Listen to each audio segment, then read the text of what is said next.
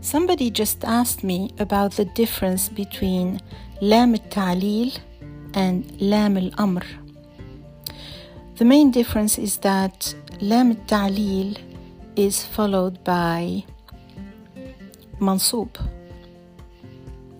which is subjunctive in English.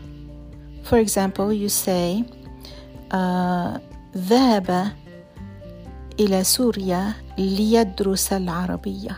So يدرس is nominative. لي here makes it uh, منصوب. ليدرس and it's equivalent to subjunctive in order that he study.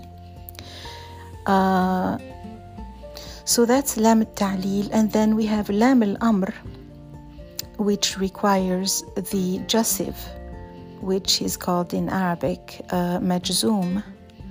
So to say, uh, let him study, you say liyadrus with the sukun at the end. I hope that helps.